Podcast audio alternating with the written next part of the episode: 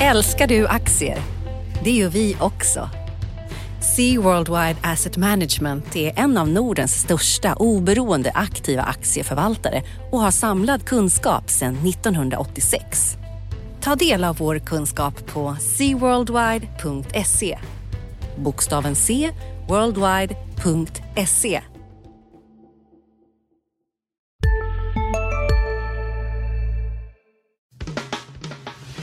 Analyspodden från Dagens Industri. Hej och välkommen till Analyspodden, Dagens Industris veckoliga försök att sammanfatta det viktigaste som har hänt på finansmarknaderna och förhoppningsvis ge någon liten fördjupning. Eh, det är jag, Viktor Munkhammar, som ska göra det här ihop med Rickard Bråse. För ordningens skull så ska vi säga att det är fredag förmiddag den 15 januari när vi pratar. Och vi kan väl också för ordningens skull säga att börsen i talande stund är upp ungefär 0,4 procent den här veckan. Ehm, eh, ja, lite, lite mer än oförändrat helt enkelt. Eh, det har hänt saker, Rickard, även denna veckan. Jag kommer att prata om en del makrosaker som kan vara värda att lyfta. Du ska ta fram lite börsgrejer. Eh, och sen så ska vi eh, prata lite framåtblickande om eh, inflation och vad det ska betyda, underskott Eh, finanspolitisk stimulans och sådana saker. De där godbitarna kommer lite senare. Men om du först eh, eh, tar oss igenom det viktigaste från Börsveckan här, vad har du då att säga?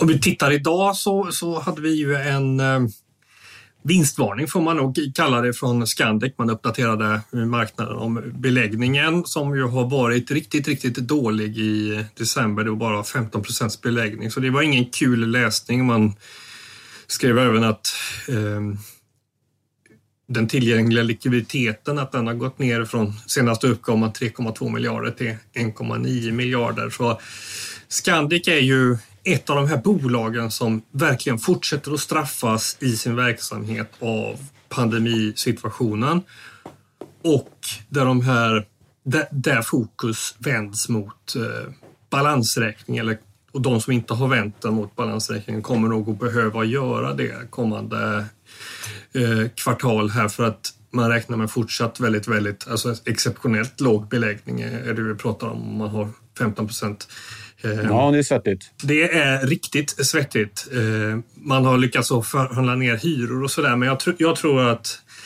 det är nog inte helt... Eh, det går inte att utesluta en nyemission för Scandic. En till då ska vi säga. Man gjorde ju en i somras.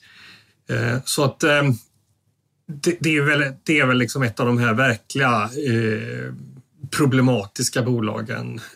på grund... Ja, de är väl mitt i stormen. Men det går inte att vara så mycket värre. Eller förstås, jag menar, kaféer, restauranger och sånt där. Men en jättestor hotellkedja, det, det är ungefär så det är det sämsta man kan vara i det här läget. Ja, ja och, och, och, sen är det väl kanske inte, hur ska man säga, hotellverksamhet den, den, den, den är ju liksom bombast eh, dramaturgiskt upplagd. Att du i goda tider fortsätter alla att expandera, expandera eh, så att om du backar bandet ett år eh, lite drygt tror jag du får göra för att komma till deras kapitalmarknadsdag. Då låg fokus på hur mycket de skulle expandera eh, sitt hotellnät och hur mycket fler hotellrum de skulle få. Så att det här är ju ett bolag som du växer kapaciteten, du drar på dig mer kostnader och sen så kommer det en nedgång, affärsresandet går ner och då sitter du där med, med, med, högre kostnader. Nu var det väl kanske ingen som hade riktigt räknat med att det skulle gå ner så mycket som det har gjort så att du har ju fått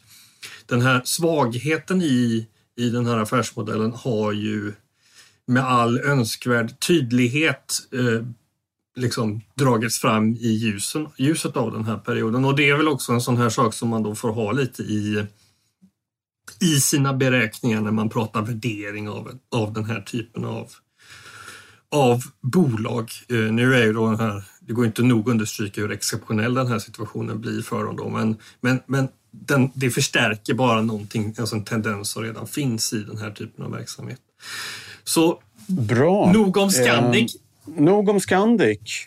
Annars, om jag flikar in där då med lite från min horisont så uselt för Scandic, eh, en av de värst drabbade aktörerna. Men tittar man på hela fjärde kvartalet så eh, tyder ju den statistik som har kommit in hittills på att det nog faktiskt blir en eh, hyfsad tillväxt till och med då. Eh, många trodde ju att det skulle kanske bli stillastående eller ett minuskvartal till och med.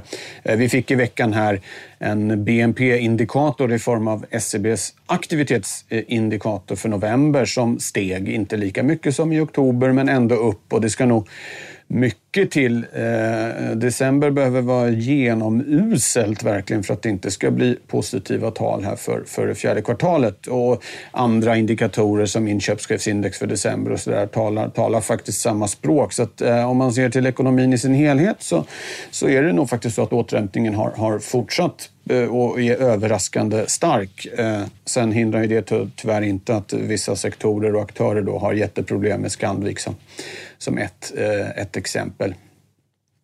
Vad vill du mer ta upp från Börsveckan? Från mitt bohuslänska, västsvenska perspektiv. Jag sitter ju med utsikt över, över Lilla Brattön som är en ö som ägs av Metall på SKF. De fick den till skänks. Jag tror att det var när grundaren Sven Wingqvist fyllde 50. Han körde lite inverterat eh, upplägg där att han gav gåvor när han fyllde år.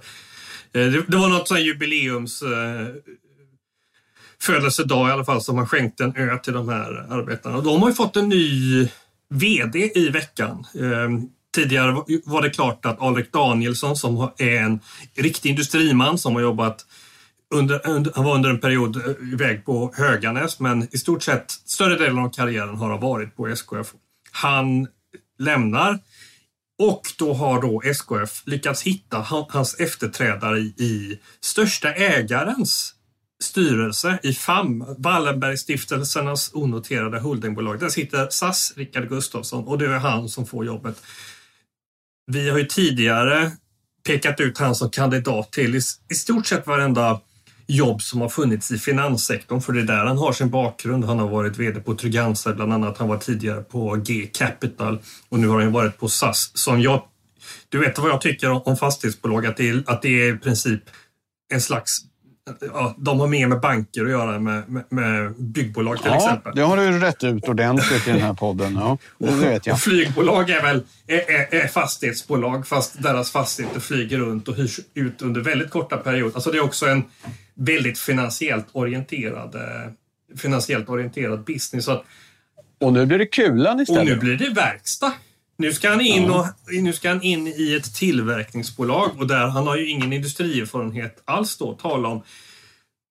Det kan man, det kan, så att den utmärkelsen kan ju ses lite så här oinspirerande. Men det finns också, man kan också hitta exempel på rekryteringar som har gjorts där, som har blivit lyckade. Vi har ju, jag tror att jag tog upp när jag skrev artikeln i veckan om Inditex, det spanska mycket framgångsrika klädföretaget som, som tog in en jurist ifrån finansvärlden och som sen prenumererade på titeln som eh, eh, världens bästa VD när Harvard Business Review fick bestämma. Och på hemmaplan har vi ju då Börje Ekholm som var, vad ska man säga, det var väl egentligen ingen som trodde på honom när han skulle ta över Ericsson. Utan jag tror att vi hade en väldigt slagkraftig rubrik vill jag minnas som jag, som jag gillar fortfarande även om den kanske inte den kanske säger mer om stämningsläget då än hur, vad som har hänt, nämligen att Frågan kvarstår. Vem ska bli VD på Ericsson? Han sågs alltså som en temporär lösning med sin bakgrund som också var väldigt finansiellt orienterad som tidigare då VD på Investor bland annat. Ja, så det kan funka? Och han har ju fått fart då på, på Ericsson, ja. verkligen. Så att eh, det kan bli bra. Vi får se. Eh, det kanske kan vara liksom en fördel nästan att, att ha en finansiellt orienterad person som kommer in som kan prata marknadens språk som jag tror är väldigt viktigt att du har en VD som kan som kan göra idag. Det är där, jag tror att alltså, arketypen av framtida VD de kommer vi nog väldigt ofta ha, ha i alla fall under en period till exempel varit finanschef för att det är så centralt um, med hela, med, med hela liksom kommunikationen med, med marknaden och med analytiker. Bra, och sen har du varit ute och röjt sly också, om jag får uttrycka mig lite vanvördigt. Eh, du har eh, gått igenom lite eh, småbolag som använder krimfarbrorn, hela Sveriges krimfarbror Leif GW Persson som dragplåster och du gillar inte riktigt det du har hittat där? Nej, egentligen. Det, det är väl egentligen ingenting som, ja, som man kanske egentligen inte känner till eller som är nytt eller vad man ska säga. Jag har aldrig sett sammanställningen av, av hur illa det faktiskt är i de här bolagen som Leif GW Persson har, när de noteras, varit inne och snackat upp. Det handlar om små förhoppningsbolag, kanske med 100 miljoner i market cap. Du pumpar upp intresset genom att ha med honom, även om hans meriter väl knappast är inom finansbranschen eller på aktier då. Och sen när hypen bedarrar så är det en... Eh, då är det utför som gäller i, i, i de här småbolagen. Eh, men det som fick mig att haja till var när jag såg en reklamfilm som ett bolag som heter Elwi, tror jag det uttalas, ett Trollhättebolag som gör en slags eldrivna fyrhjulingar. Och spelat in där, där den här då mycket folkkära mannen sitter och hummar, brummar och muttrar och småskrattar för sig själv och rullar fram på ett av de här fordonen. Ehm, de är storägare i bolaget, ehm, eller han är storägare i bolaget. Och alltså är det bästa du har att komma med det här? liksom, kom igen. Tror du ens på din produkt då? Det, det, jag skulle säga att det är en väldigt, väldigt stor varningsflagg. Och sen det här med att Alltså, man ska alltid akta sig från att ta rygg på någon annan. Inte bara för att någon annan kommer ha fel, utan också för att det skapar en egen dynamik i, liksom där saker och ting blir själv... Alltså, aktier öppnar, öppnar upp för att de har blivit heta. Men när det där slocknar så blir det en väldigt, väldigt tråkig historia. Och det går liksom inte att diversifiera bort sig från ett metodologiskt fel. Alltså dumhet kan man inte sprida ut graserna för att vad ska man säga, späda ut så att den upphör att existera. Utan det är dumhet som staplas på dumhet. Det blir bara ännu mer dumhet. Eh, så att man ska akta sig från, från att liksom hoppa på saker som, som eh, bara för att det är en kändis eller en aktieinfluencer eller vad man... Fenomenet förekommer ju även på andra håll med, med betydligt mindre nogräknade personer som försöker håsa en det ena och en det andra för att göra snabba klipp på ja, saker som helt saknar substans egentligen. Eh, ja, så det ska man det är väl lite tids, eller andan på börsen nu. Det var väl någon re reklam som gick på Twitter det här va, för att investera i det här bolaget med Leif GW. Då. Det, det, det kanske är Eh, när vi tittar tillbaka eh, på de här månaderna kanske det är en sån sak man kommer lyfta fram eh, som exempel på hur tokigt det var vintern 2021. Vad vet jag? Jag kan ha helt fel också, det har hänt förr ska jag säga. Eh, men du, eh, ska vi, jag tänkte ta några saker här nu som blir en bra övergång till den lite större diskussion vi ska, vi ska ha sen. Och då vill jag börja dels med att säga i veckan som är noterbart är att Riksbanken kom med ett besked här som skakade om lite i veckan. De eh, berättade att de nu börjar eh, egenfinansiera sin valutareserv. Att de ska göra det har de, har de pratat om förut, men eh, en del blev nog tagna på sängen över att det här började nu och det här innebär att de kommer att sälja sälja kronor för 5 miljarder i månaden i tre år. Det blir eh, ungefär 180 miljarder då. Eh, och eh, där fick kronan att tappa en hel del. Det går ju att tolka detta som en valutaintervention. En sådan skulle se ut på ungefär Eh, det här sättet. Eh, Riksbanken försäkrar att det finns liksom inga penningpolitiska tankar bakom detta och det har de säkert rätt i. Eh, men frågan är, det spelar inte så stor roll utan frågan snarast blir inte minst hur utländska aktörer ser på det här. Riksbanken har ju en historia av att ha använt kronan för att hålla upp uppe den importerade inflationen och det är nog en del som möjligen drar, drar öronen åt sig lite. Det, vi kommer få se framöver här vad, vilken påverkan det här, det här får. Och Riksbanken var ute också och spelade ner det här. Jag tror att det var Cecilia Skingsley som påpekade hur liten del av den totala omsättningen på valutamarknaden som 5 miljarder eh, i månaden är. Och det är helt sant. Man kan också vända på det och säga att eh, ja, det är drygt 1 procent av BNP eh, sett till ett år då och uh, ungefär 20 procent av bytesbalansöverskottet. Så det beror lite på om man jämför med. Men det här får vi, får vi följa framöver. Jag tror att det är helt sant som Riksbanken säger. Det handlar om att de vill skapa en större tydlighet. Hittills har de finansierat valutareserven genom lån i Riksgälden. Eh, inte, lite, lite oklara kopplingar där då, så det här är ju ett renare och bättre sätt. Men, men, men eh, eh ja, kronan skakade lite på det i alla fall. Eh, sen ska vi väl säga att här på fredag morgonen fick vi också ett överraskande högt högt eh, inflationsutfall för december. 0,5 eh, procent i årstakt och eh, rensat. Nu släpper vi en ny podd. Expressen Dock. Einar han går in i fel gård, förstår du? Och sen där, en annan skytt jag tror kommer emot honom och, och fortsätter skjuta. Lyssna på premiäravsnittet. Mordet på Einar, det sista vittnet. Med mig, krimreporter Nina Svanberg.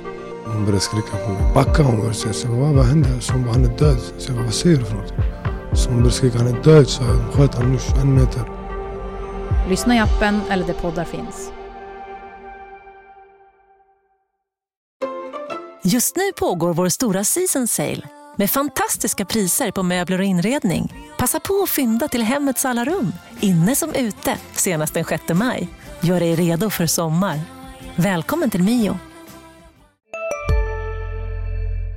För energi 1,2 procent. Det är ju väldigt låga tal fortsatt, men det var högre än vad både Riksbanken och eh, eh, analytikerkåren hade räknat med.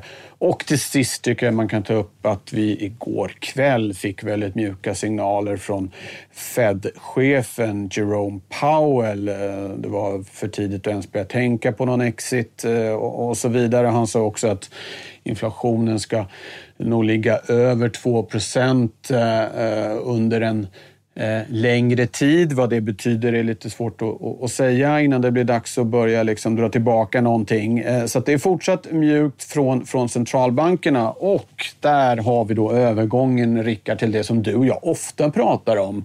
Nämligen om det ska bli någon inflation eller inte, vad det vi har riggat för här egentligen. Och du du tror att det ska bli inflation, eller hur? Jag tror att det, förr eller senare så kommer man erkänna att det finns inflation och det kommer även uppstå den typen av inflation som man väljer att mäta. Och nu är det nog, alltså, vi har ju det här bettet, vi ska inte ta upp det mer tycker jag. För att det är så, Nej, vi har pratat mycket om det på den där lunchen. Det, det, har, det har vi verkligen gjort, men ifrån att se det som, se inflation som, vad ska man säga, jag, jag gillar ytterlighetsscenarion lite, jag är lite svag för de här sakerna som ingen tror ska hända.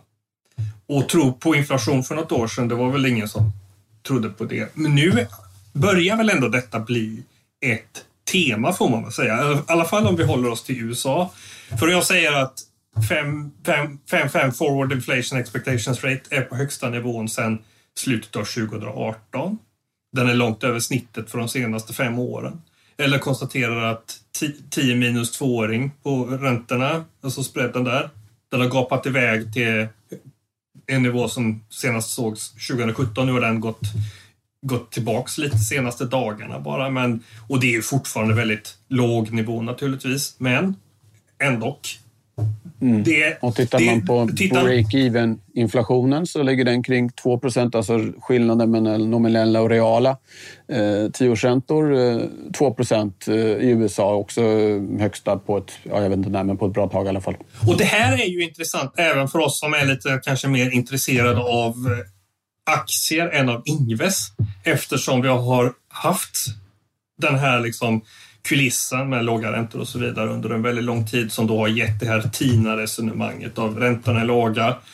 Därför ska vi ha betydligt lägre avkastningskrav också på aktier och att eftersom alla tror att räntorna ska vara låga för evigt nu så borde vi liksom verkligen skruva ner våra avkastningskrav vad händer då om det börjar liksom röra på sig åt andra hållet? Och, och vi har ju tidigare pratat om det här med man kan skaka av sig och säga ja, det blir bara yield räntekurvskontroll. Räntekurvan? Ja, yield curve mm. control. Att man kan göra det som man gjorde under andra världskriget. Men om du då börjar få inflation så att du måste börja höja Fed funds rate samtidigt som du har satt utfästelser på långa räntor, vad kommer att hända då? Ja, men då kommer du verkligen få sitta och köpa allting som, som finns. Jag tror så här att risker går inte att helt eliminera genom penningpolitik, utan du kan flytta på dem. Det är det de har gjort, centralbanken. Och du har flyttat på väldigt mycket risk. Och, och den ultimata mm. risken blir ju en kraftigt försvagad, alltså, alltså inflation helt enkelt. Ja, att svar, svar på din fråga, vad händer då? Ett svar gav SEBs eh, chefstrateg Johan Javeus i den andra podden jag är med i här i veckan, Makrorådet. Och det var väl att då blir det väldigt, väldigt jobbigt för alla tillgångslag, eh, var hans slutsats. Eh, och det byggde då på att vi får en inflation eh, och att den blir så pass hög och så pass uthållig att centralbankerna ser sig tvungna att agera på den. Så det är ju några steg dit. Till att börja med ska vi få den. Det finns de här tecknen vi har sett. Å andra sidan så finns det fortfarande, det är inte några tajta arbetsmarknader direkt någonstans. Och man brukar ju säga att för att det ska bli något ordentligt av det så behövs det vara liksom lönedriven inflation. Men dit kan vi ju komma. Och så nästa steg i det här då, ja, centralbankerna ska agera på det. Därför var det intressant med det här talet från, från Jay Powell då i, i, igår kväll. Eh, och det verkar ju inte som att den en inflation en bit över 2% under 6-12 månader är någonting som kommer få Fed att, att göra någonting. Så det är ju några steg på vägen dit. Men som du säger, det är absolut ett, ett tema. Och ett, ett annat tema som jag tycker är intressant som också hänger ihop med det här är synen på finanspolitiken som har ändrats ganska ordentligt om man tittar på såna här organ som OECD och IMF och Världsbanken som ju inte själva sitter och drar i några spakar men de har rätt stort inflytande på hur finansministrar och andra aktörer runt om i världen tänker så är det rejält annorlunda tongångar jämfört med för fem år sedan och jämfört med hur det var under finanskrisen när vi senast liksom såg väldigt stora underskott i statsfinanser och väldigt stora insatser från centralbanker. Nu är budskapet senast från, från eh, OECDs eh, chefsekonom eh, Laurence Boone i, Financial Times här nyligen att, eh, ja, eh, om jag får vara lite ful i, i mun då, skit i underskotten, kör på, ungefär vad, vad, vad det hon sa. Att man ska framförallt vara väldigt försiktig med att börja med några åtstramningar, skattehöjningar eller nedskärningar innan liksom arbetsmarknaden verkligen har kvicknat till innan tillväxten verkligen har skjutit fart. Och det är väl delvis en lärdom från, från finanskrisen, inte minst i Europa där man ju fick, eh, det tog väldigt lång tid innan, innan, innan arbetslösheten var tillbaka på de nivåer man såg innan och så. Därför att många regeringar hade börjat strama åt eh, eh, för tidigt. Lite också på oro för, för, för, det som vi pratar om nu, att, att eh, det skulle liksom kunna gå överstyr. Det gjorde det inte. Eh, om jag överstyr menar jag att det skulle bli kraftig överhettning och stigande inflation och så, och så vidare när centralbankerna eh, körde sedelpressarna så, så hårt. Så att ett annat, annat eh, eh, tonläge liksom också i vad man skulle kunna kalla den globala policydebatten som eh, skulle kunna eh, bidra i, i den här riktningen också. Så det, jag håller med dig om att det, det är väldigt, väldigt eh, intressant läge här att mm, titta på de närmaste åren. Mm. För oss som tittar på börsen, då vet man ju också att det är saker behöver liksom inte hända för att de ska bli ett problem. Utan det jag säger är bara att om du fortsätter att ha de här tendenserna som du har på som indikerar någon form av ja men, att, att räntorna någon gång kommer behöva höjas ehm, eller att inflationen tar fart. Alltså, jag tror att vid någon tidpunkt i år så tror jag att börsen kommer gå ner kännbart och att det kommer att och att den här, det här temat kan, kommer att träda av användas som förklaring till att börsen skakar till. Ehm. Ja, skakningar tror jag vi kan få. Men jag tror inte att vi kommer få se några sto stora... Eller som du säger, börsen springer ju alltid före. Så om man anar att det här kommer komma om två år så agerar ju börsen eh, redan nu och så, så skulle, skulle, skulle det kunna bli. Men det här att vi skulle få liksom, ordentlig inflation, och med det menar jag säg 3 procent, vilket ju historiskt inte på något sätt någon hög inflation, men jämfört med den värld vi har levt i de senaste tio åren i alla fall. Eh, det tror jag ligger en, en, en bit bort. Och sen då som sagt, hur agerar centralbankerna då? De har ju bundit sig ganska hårt vid masten att det ska mycket till innan de börjar, eh, börjar göra något. Vi ska inte heller glömma bort att Federal Reserve faktiskt har ett eh, omformulerat inflationsmål, att de vill ha 2% i genomsnitt.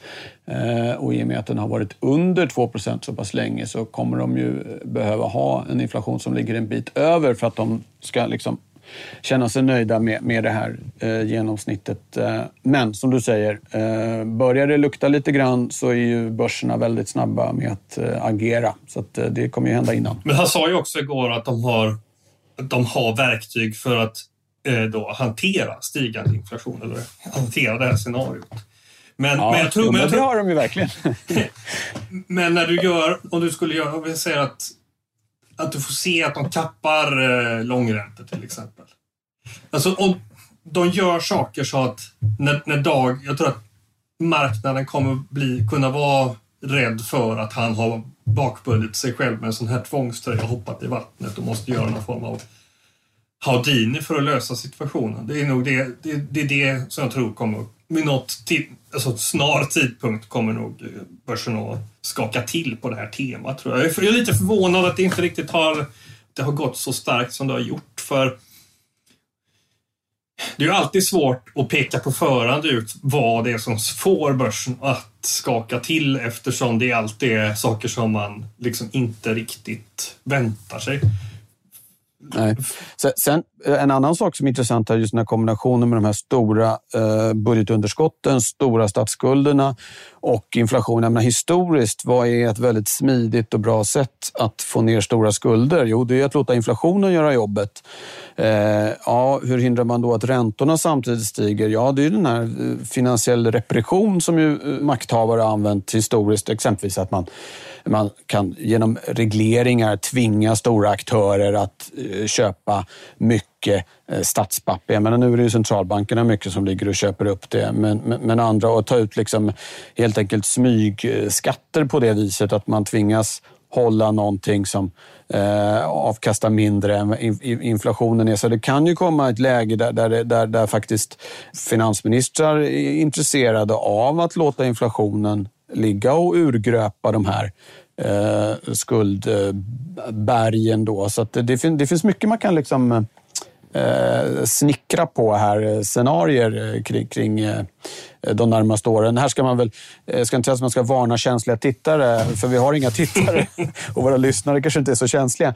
Men, men, men det är väl någonting som ligger en liten bit eh, eh, fram i tiden, även det tror jag. Men det, det, det blir ju ett eh, tema. Liksom. Vad, eh, det är inte ovanligt nu med menar, skuldnivåer på eh, över 100 procent av BNP.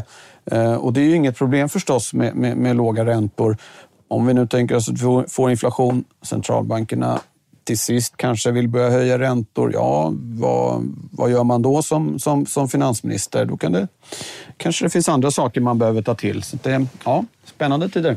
Om man kokar ner det här till sektorer, så bank till exempel har ju gått starkt i USA nu, drivet av räntekurvstemat. Skulle, ska man vara ä- liksom långsiktig ägare av bank där du har pen, alltså där penningpolitiska situationen är som den är och där du när som helst kan se att man gör att man helt enkelt plattar till den kurvan igen. Alltså det, det känns inte som att de spelar liksom en match där de har fått en planhalvan som innebär uppförsbacke, bankerna. Och omvänt då på andra spektrumet för, för fastighetsbolag kan man säga. Mm. Ja, nej, men så, så det, det, det, det du pratar om, den här yield curve control då, som ju Japan tillämpar och som tidigare har använts i, i, USA. Det är länge sedan nu, men äh, helt enkelt att centralbankerna eh, uttalat eller outtalat förbinder sig att se till att långräntorna inte sticker. Och lite i ett sånt läge är vi ju, är vi ju nu, även om ingen, ingen utom Bank of Japan tydligt har, har sagt det. Eh, och det, där var går smärtgränsen nu då för Federal Reserve är en del som, som, som pratar om. Du pratade ju om att den här så kallade kurvan har brantat, alltså att skillnaden mellan långa och korta har, har stuckit. Och någon såg jag pratade om att eh, en tioåring över 1,50 då kommer nog kanske Fed att börja, börja titta på det för de, eh, de eh, hjälper ju regeringarna och se till att eh, de här stora, stora skulderna inte kostar eh, nästan någonting. Men det, det, det, handlar ju om att de ligger och köper då, så tills att räntorna inte sticker. Så att, eh, och då, som du säger, kan det bli knivigt för, för en bank då. Om man är beroende av brantare kurvor. Eh, Rickard, vi har pratat nästan en halvtimme nu. Är det något mer du vill tillägga eller ska vi börja runda av kanske? Jag hade nu, nu, låter det som att du vill runt av. Jag hade aldrig slutat om du inte hade låtit som du gör nu, Viktor. Så... Nej, vi har ju någon slags tanke om att det inte ska löpa allt för långt över, över 30 minuter så att lyssnarna ska, ska stå ut med oss. Men, men eh, vi får väl fortsätta det här samtalet. Jag har en känsla av att det kommer att hända saker där ute på marknaden som gör att det finns alla anledning att, att återkomma. Eh, exempelvis skakningar på börsen som du pratade om här. Eh, ska vi säga så att vi eh, tackar för idag? Och så tar vi upp tråden nästa gång vi poddar ihop. Det gör vi. Och om man eh, inte vill lyssna mer på den här podden, men på andra poddar så finns det ju sådana, ska jag säga. Dels den som jag nämnde här, Makrorådet, som ju ligger mig varmt om hjärtat eftersom jag gör den själv. Eh, men även dagliga poddar som Morgonkoll och Ekonomistudion och förstås Digitalpodden eh, som berör den delen av ekonomin. Men nu sätter vi punkt för idag. Eh, tack ska ni ha och trevlig helg. Hej! Analyspodden från Dagens Industri. Programmet redigerades av Umami Produktion. Ansvarig utgivare Peter Fellman. Varje vardag klockan sju uppdaterar DITVs Morgonkoll dig om natten och morgonens viktigaste nyheter. Från börsstängningen i New York till läget i den asiatiska handeln. Och strax därefter kommer podden med samma namn. Prenumerera på Morgonkoll du också så är du uppdaterad inför varje ny arbetsdag. Morgonkoll finns där andra poddar finns.